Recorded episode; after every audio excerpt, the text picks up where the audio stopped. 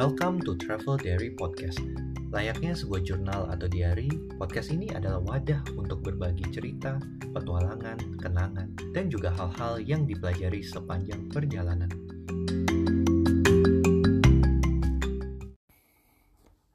Hai teman-teman semua, jurnal nomor 12. Sorry banget, missing in action nih selama ini. Podcast ini sebenarnya udah di-record tahun lalu, lebih tepatnya sekitar 9 bulan yang lalu. Terus kemarin ini sempat kurang motivasi buat ngedit audionya, eh terus malah keterusan deh sampai sekarang. Semoga untuk ke depannya akan lebih rajin dan lebih konsisten. Di jurnal kali ini kita akan ngobrol tentang kota Barcelona di Spanyol dari sisi budaya atau culture-nya. Please enjoy.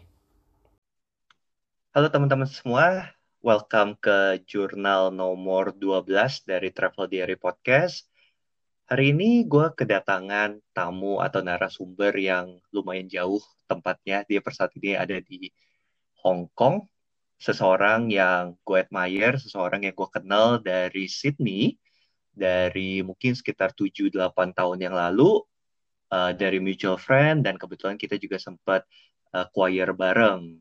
Nah, dia itu seorang artis, uh, interior designer, uh, yang pernah ikut uh, world apa ya bahasanya mungkin acara-acara kelas dunia seperti Sculpture by the Sea, Vivid Sydney gitu dan uh, sejak uh, sekitar 2012-2013 uh, agak lupa dia pindah ke London jadi kita jarang ketemu kita terakhir ketemu itu di Bali tahun lalu. Nah, uh, without further ado, uh, let me introduce di sini ada Griffin. Halo. Halo Toh, apa kabar? baik-baik. Gimana nih keadaannya di Hong Kong di sana?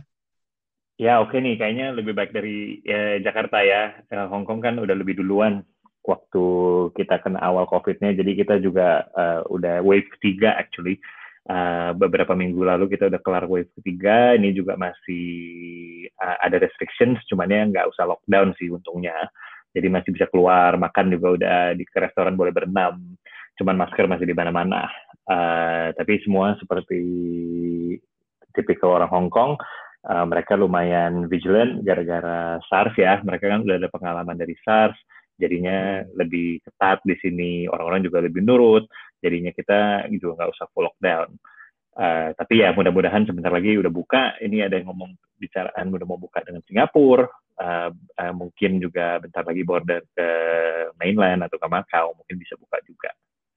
Hmm, ya jadi sebenarnya aktivitas di sana itu udah normal ya, maksudnya udah nggak work from home, maksudnya udah ke kantor dan lain sebagainya gitu. Iya, udah somewhat lumayan normal lah. Maksudnya sekarang juga uh, kantor rata-rata kantor besar juga sudah balik, uh, tapi kebanyakan kantor besar sih masih ada option ya. Jadi kalau staff employee masih mau kerja di rumah mereka nggak paksa. Cuman kalau dilihat dari lunchtime peak hour restoran-restoran itu sudah boleh ngantri-ngantri lagi. Itu tandanya.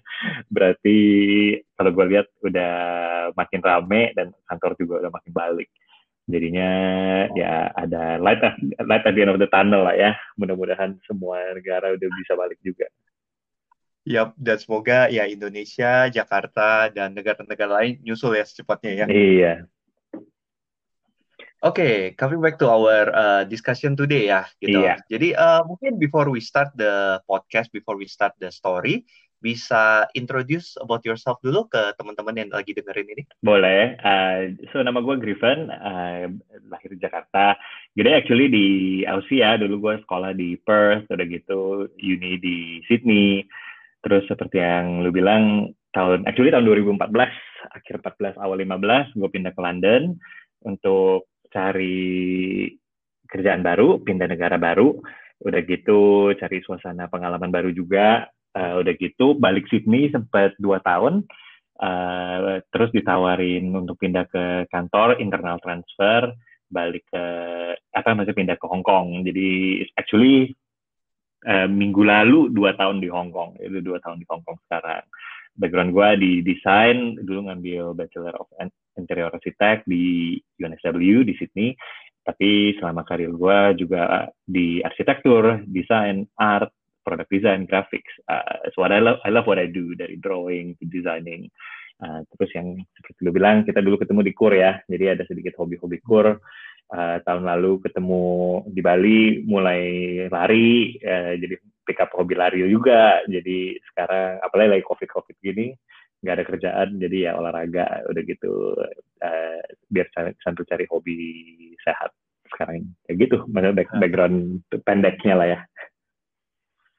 Yap, yap. Ya, jadi sementara, wow, uh, berarti ini anniversary ya, dua tahun di Hong Kong ya? Iya, dua tahun. Betah selama ini di Hong Kong? Betah, ya, maksudnya Hong Kong itu beda ya dengan London, dengan Sydney. Hong Kong itu kan lebih compact, di mana-mana juga lebih sempit, apartemen lebih sempit, kotanya lebih sempit, tapi orangnya uh, rame. Jadi uh, if you're not a big fan of crowd, uh, mungkin ini bukan kota untuk lu ya. Cuman kalau misalnya yang hobi hustle and bustle, uh, uh, apa the city that never sleeps, Hong Kong is great for you. Hmm. Hong Kong itu convenientnya luar biasa untuk kota ya uh, kota ini ya. Uh, MTR di mana-mana, apa transport gampang, uh, convenience itu di mana-mana.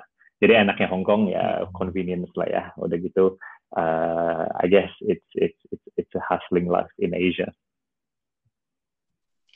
uh, a random question that pops to my mind barusan. Mm -hmm. Do you consider Hong Kong as a kota atau negara nih? Wah, ini political ya pertanyaannya. oh enggak, enggak. Uh, dari uh, mungkin jangan dari political ya, dari segi geografi, dari segi ekonomi, apakah mereka sebenarnya ya maksudnya uh, it's it's ya semua tersedia aja di sana gitu sebenarnya. It's a it's a seat itu kayak Singapura gitu. Yeah. Kalau Singapura kan benar-benar kayak kecil banget, tapi ya semuanya ada di sana gitu. Iya, yeah. kalau misalnya lihat dari uh, urban infrastructure, dari bagaimana the, the city is run, misalnya itu udah kayak kota negara sendiri ya, semuanya udah ada sendi uh, dari setupnya tuh udah nggak ngikutin yang lain. Uh, di Hong Kong itu self sufficient lah ya, dari bisnis hmm. uh, sampai infrastructure. Uh, jadi ya you could say bisa kayak city negara lebih mirip kayak Singapura ya kalau dilihat dari hmm. aspek itu. Yep, yep, menarik. But today kita nggak bakal ngobrolin tentang London, kita nggak bakal ngobrolin tentang Hong Kong, kita bakal ngobrolin tentang Barcelona ya. Tell us uh, more about Barcelona. Mungkin uh, dari background dulu gitu kita jadi kita start slow dulu sebelum kita go in depth. Kita bakal belah Barcelona into a very uh, deeper layer ya today. Boleh. Barcelona itu dulu selama gue tinggal di London itu orang-orang pada nanya kan sering travel nih waktu tinggal di London favorite city lu apa kalau di Eropa? Uh, karena kita kan sering travel karena convenience uh, waktu tinggal di London. Selalu jawaban gue itu adalah Barcelona. Uh, dan kenapa Barcelona? Uh, untuk gue personally karena kota ini tuh full of everything lah. Uh, maksudnya gue kan dari background design jadinya ada culture, ada sightseeing, ada food, ada weather, design, history, semuanya ada lah. It's all in one place. Jadi itu kenapa Barcelona itu uh, salah satu favorit city gue. Actually, probably my favorite city di Eropa ya. Uh, terus cuacanya juga enak. Uh, apa dulu? Uh, actually gue ada beberapa trip di Barcelona trip pertama itu adalah sama temen dan trip kedua yang sama family. Jadi yang gue mau diskusi hari ini yang sama temen ya. Waktu itu kita sekitar Easter, Easter pertama kita sekitar bulan April gitu lah ya. Uh, jadi cuacanya tuh enak banget. Uh, waktu itu ketemu teman-teman uh, di London juga baru kenalan. Ada yang udah lama gak ketemu. Uh, jadi ada dua teman kita. Satu Doni, satu si Isaac. Terus kita juga hmm. waktu itu uh, barulah kita bertiga ini baru di London itu sekitar sebulan atau ada yang udah tiga bulan tapi belum lama di London. Jadi kita ngobrol mau ke mana nih Easter long weekend panjang. Ya udah kita bilang boleh nih ke Barcelona. Soalnya banyak yang bisa dilihat. Jadi kita book deh uh, trip Barcelona lima hari. Trip pertama kali actually bertiga ini. This is the first of many trip yang kita pergi bertiga. Hmm. Uh, waktu itu si Doni yang karena suka hobi tra travel planning, dia jadi planner. Uh, terus gue tahu di Barcelona itu banyak tujuan tujuan-tujuan yang menarik uh, di dari sisi arsitektur, desain, history.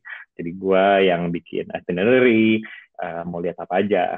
Uh, terus ada teman kita satu Isaac, uh, dia apa uh, ikut pengen ikut uh, dan dia juga orang orangnya lumayan chill jadi dia ikut uh, dengan plan kita jadi ini trip salah satu trip pertama lah yang kita uh, pergi bareng bertiga dan ini actually uh, the start of group yang kita bikin namanya Londonesian yang udah gitu jadi makin besar selama di London waktu itu.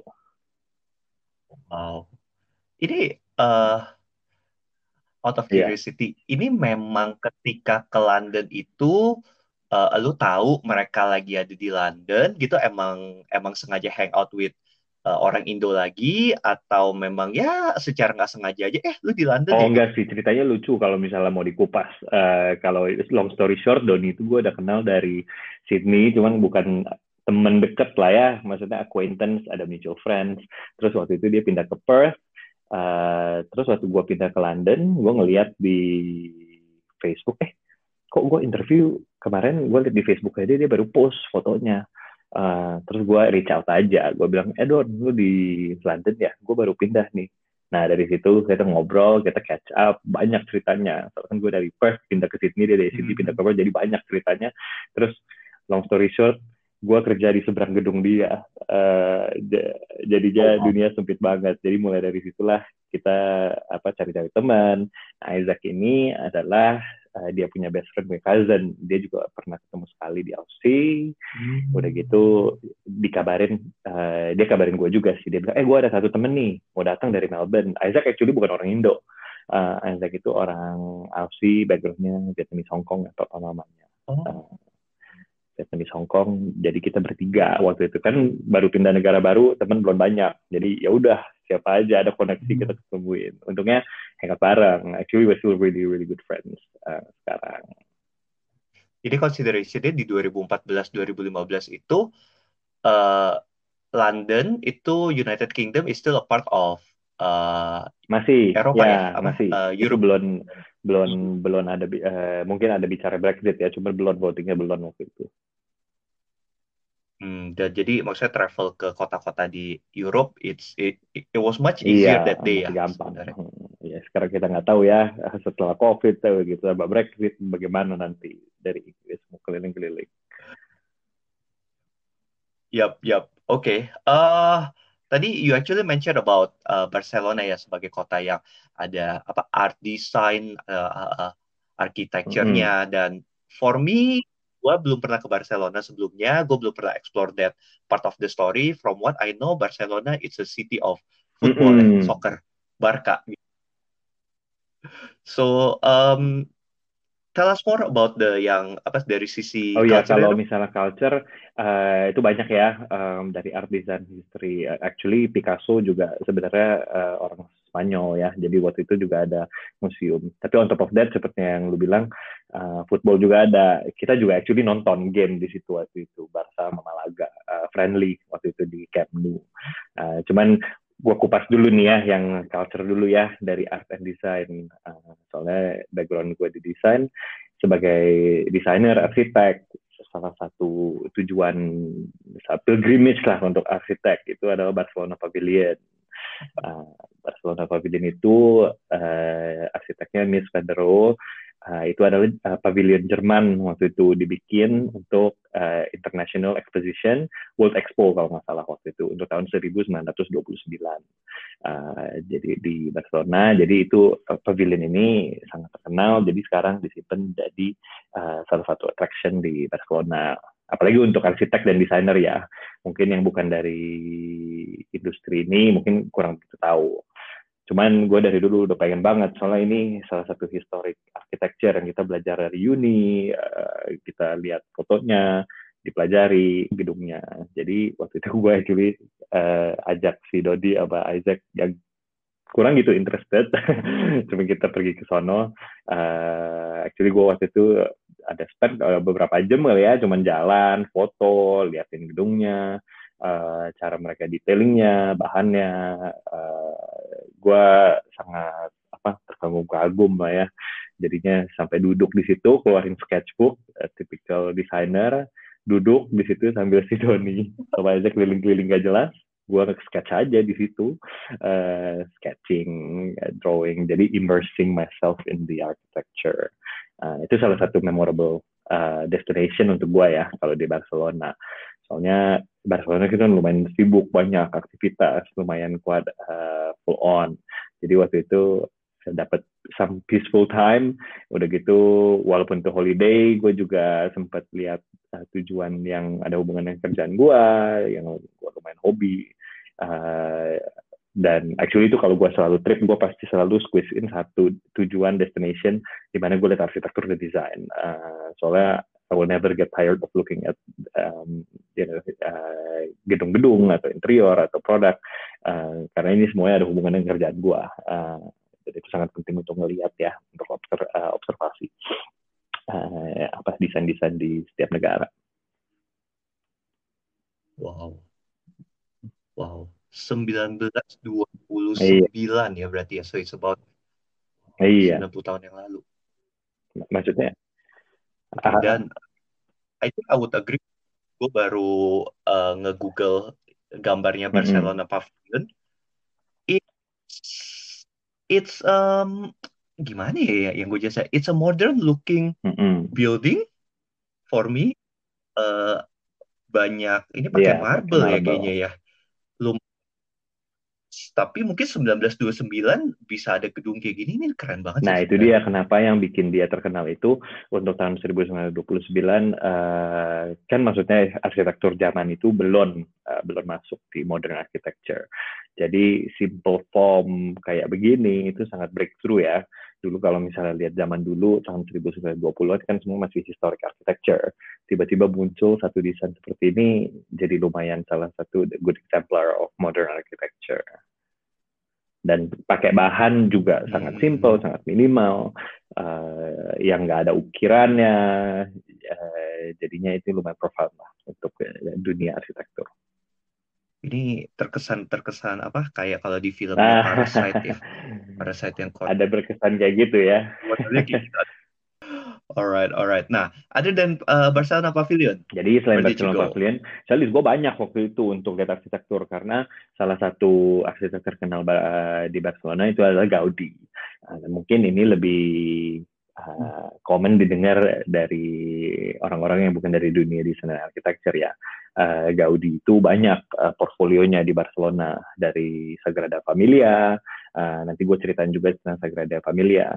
Ada Park Güell, ada Casabayo, uh, Casamila. Jadi dia tuh uh, lumayan terkenal. Uh, jadi uh, di si Gaudi ini salah satu tujuan yang gue lihat itu Park Güell.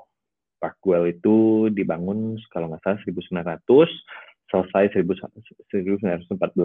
Uh, jadi uh, ini adalah sebuah taman ya, taman didesain uh, oleh Gaudi uh, dan lumayan uh, sekali lagi ini juga dia juga uh, apa desain style agak beda ya. Dia sangat diinfluence dari nature, jadi semuanya sangat very organik dibanding dengan Barcelona Pavilion. Uh, kalau Barcelona Pavilion agak sangat minimalis. Kalau yang ini bisa dibilang maksimalis. Jadi dari mosaik, warna, uh, bentuk, uh, jadi lumayan apa kuah uh, lumayan untuk dilihat itu lumayan full on. Uh, jadi Parkwell ini dibangun uh, waktu itu, jadi kita uh, bisa keliling, ada bagian yang ditiketet, ada yang enggak. Uh, it reminds me of sedikit kayak Jurassic Park kalau kalau yang udah pernah pergi ya. Uh, ada sedikit influence hmm. dari dragon, dari naga, dari mana. Jadi uh, sangat textural dan itu sangat sebuah experience lah untuk untuk jalan di taman itu. Cuma kalau untuk cerita lucunya, waktu itu kan kita masih baru di London, uh, kerja juga belum mulai lama, belum gajian, jadi kita agak sedikit uh, ini ya cheap ya, jadi kita bilang ya udah kita lihat di online. Oh katanya free nih setelah jam 9, 9.30 kalau nggak salah waktu itu. Jadi kita nggak pre-booking. Soalnya kenapa? Malam. 9.30 malam. 9.30 ya, malam. 9.30 malam. Udah gitu setahu kita juga rame banget biasanya kalau tempat tujuan turis destination kayak gini kan. Kita nggak mau ngantri kita nggak beli online tiket juga. Jadi kita ya udah kita keliling yang bagian gratisnya dulu nanti malam 9.30 kita balik. Udah gitu kita keliling jalan-jalan 9.30 kita balik.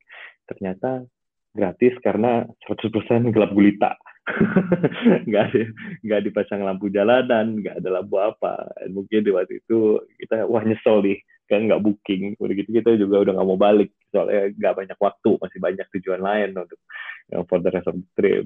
Uh, jadi mungkin uh, untuk travel traveler yang mau lihat uh, moral of the story uh, itu mungkin kalau bisa apalagi yang untuk uh, destination turis ya itu kalau bisa online booking. Online booking itu sangat hmm. uh, membantu karena nggak usah ngantri. Uh, ngantrinya kalau ada pun untuk time slot itu aja. Jadi paling ngantri 5-10 menit udah langsung masuk. Uh, jadi actually gue kedua kali pergi ke Barcelona bawa orang tua gue, uh, gue beli dah semua online sebelum jalan. Jadinya apalagi sama orang tua ya, jadi nggak usah ngantri lebih enak. Nah baru yang kedua kali waktu itu kita akhirnya masuk lihat. Hmm. Oke, okay. mm-hmm. tentang Park Well sendiri. Jadi kan yang pertama uh, tidak sempat masuk ke dalam bagian yang iya. Uh, bayar iya. itu ya, yang berbayar.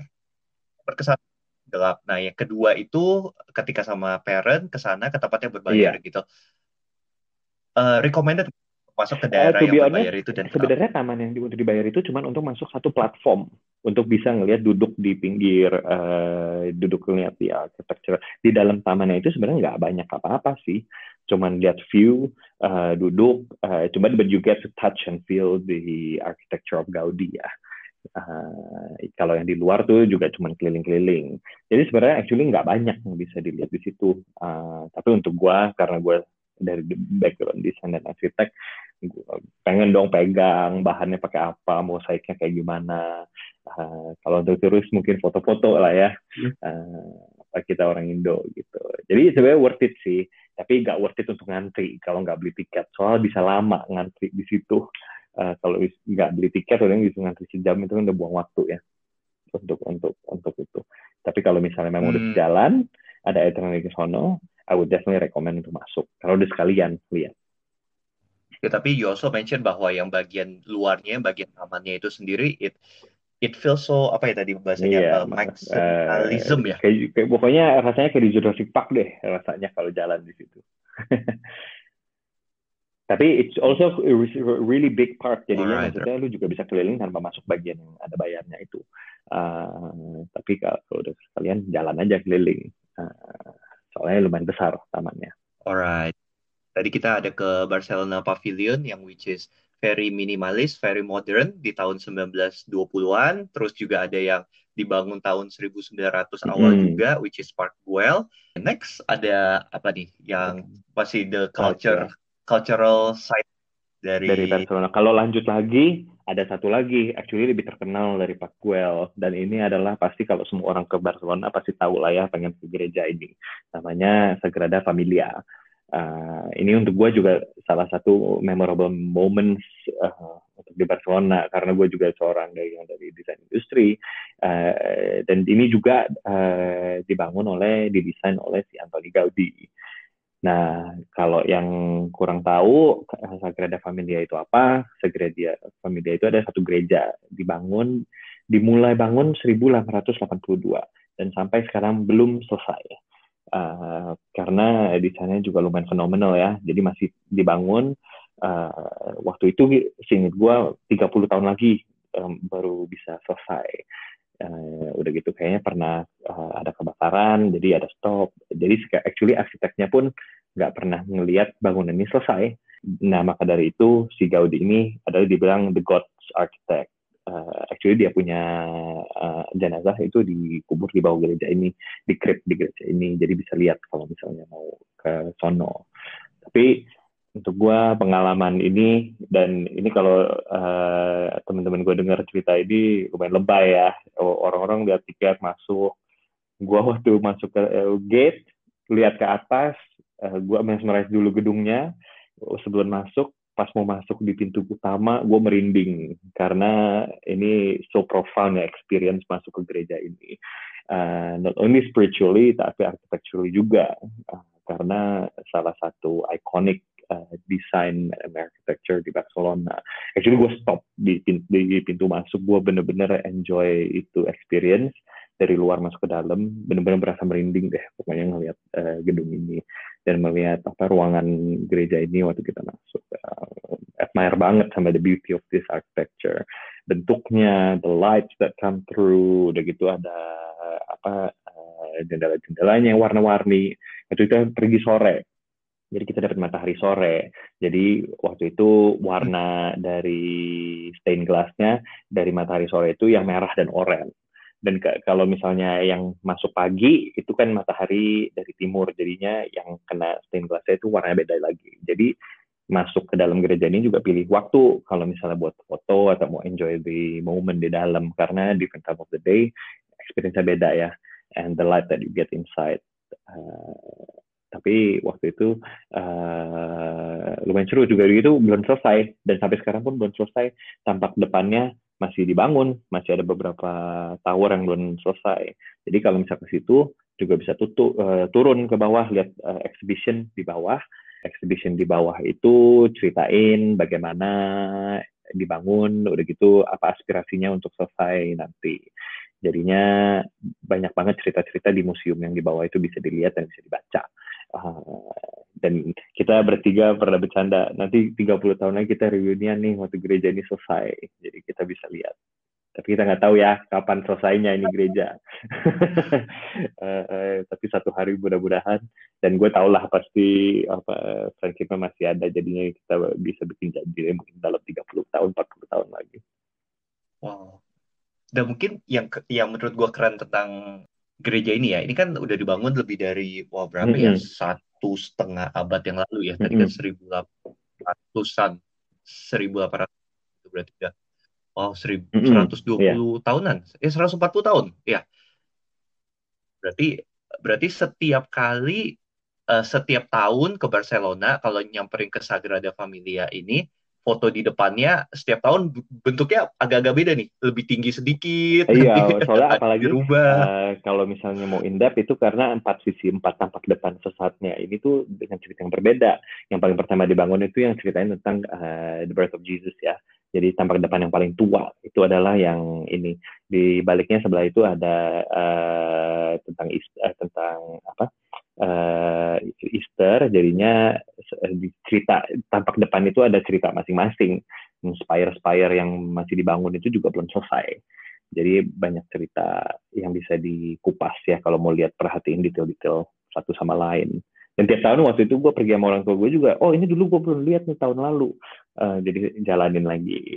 Uh, apalagi sekarang kan uh, engineering juga makin bagus. Jadinya untuk uh, selesaiin proyek ini juga uh, walaupun tetap sulit karena kan blueprintnya nggak ada dan aja nggak ada cuma bisa lihat dari uh, backtrace dari history uh, lumayan challenging. Jadi mudah-mudahan nanti kalau udah selesai kita bisa lihat uh, actually the creation of the God's architect Anthony Gaudi itu kayak apa.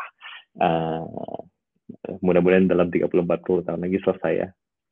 Anthony Gaudi itu yeah. he is an architect ya berarti ya. Is actually the one yang ngedesain apa nih construction dan uh, iya tapi kan untuk arsitek-arsitek zaman mereka kan semua mereka dari desain dari cari bahan itu kayak ibaratnya uh, dia sedih juga seniman ya.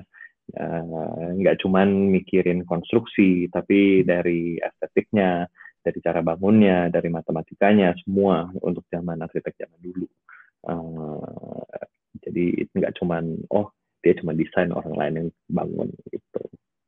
Berarti ini juga termasuk yang tadi ya, ya yang diceritain kalau misalnya matahari pagi dari sisi timur, nanti dari sisi barat ada stained glass yang warna ini sehingga interiornya iya, warna jadi itu semua dipikirin oleh atau gimana seorang gitu ya. arsitek ya untuk arsitek yang sangat profan seperti Gaudi. No one sekarang iya, makanya dia kan ditulis seperti gitu. dia adalah god arsitek karena dia dedikasi hidupnya untuk uh, bangun gereja ini dan sampai akhir riwayatnya pun dia nggak sempat ngelihat dia punya kreasi dia selesainya bagaimana. Yup, yup. Dan ini creationnya it's a it's a apa ya? It's a it's a world fenomena iya. ya sebenarnya ya. Ini pokoknya ini gerejanya. Kalau yang masuk ke dalam bagian okay. altarnya, plafonnya itu semua sangat fenomenal dah. Itu, itu menurut gue itu beyond architecture ini adalah sebuah seni, sebuah gedung. Uh, pokoknya sangat profan. It leaves me such a profound memory ya, ke gereja ini other than tiga spot yang udah dimention ini, ada nggak spot-spot, maksudnya spot-spot kecil in which we can visit Banyak ya, kalau misalnya waktu itu, gue actually cuma lima hari di Barcelona. Jadi uh, karena kita juga bertiga, gue nggak boleh egois, jadi nggak boleh semuanya tentang arsitektur desain. Actually tapi banyak kalau mau dilihat museum-museum, galeri-galeri. Uh, gue sempat sebelum pulang ada waktu kita di waktu itu di kota, jadi kita masuk ke Picasso Museum. Uh, jadi itu juga kayak galeri-galeri kecil. Kalau if you're interested ngelihat uh, history in arts and design, banyak tujuan-tujuan destination di Barcelona yang bisa dilihat. Kita juga pergi ke Casa Bayo. Casa Bayo itu uh, juga rumah dari Gaudi, didesain dari Gaudi. Uh, itu inspirasinya dari sebuah naga. Jadi tampak depannya itu mosaik-mosaik yang kelihatannya seperti naga. Uh, tapi ada, uh, ada juga beberapa rumah lain Casa Mila itu gue nggak sempat pergi uh, karena kita di saat kita lihat Casa Bayo aja dan kita nggak ada waktu untuk melihat semua tujuan-tujuan uh, yang dibangun oleh Gaudi atau uh, arsitek-arsitek lain. Cuman ya dipilih soalnya seperti yang gue bilang banyak pilihan di Barcelona. Mungkin ada yang mau lebih makan, ada yang mau lebih lihat gedung, ada yang mau lihat bola. Uh, dipilih aja jadi akhirnya lebih lebih concise. Mm -hmm in your own personal experience ya, uh, kalau ada turis mau explore Barcelona dari mm. from this lebih aspek historical atau desain architecture, kira-kira kalau purely untuk hari? lihat arsitektur desain sebenarnya tiga hari lumayan selesai ya. Kalau misalnya itu karena kan setiap tujuan at least beberapa jam dalam sehari kalau benar-benar mau immerse yourself in the uh, destination paling butuh 3-4 jam kayak di for, for example di Sagrada Familia bisa 3-4 jam di situ ngeliat gerejanya, bisa ngeliat museumnya, keliling ke bawah, uh, di Park Güell beberapa jam. Uh, jadi sebenarnya kalau 3-4 hari itu lumayan cukup ya. Tapi kalau ke Barcelona, saran gue jangan cuma lihat itu aja karena masih banyak banget uh, apa aktivitas yang bisa dikerjain di Barcelona dan seru banget semuanya.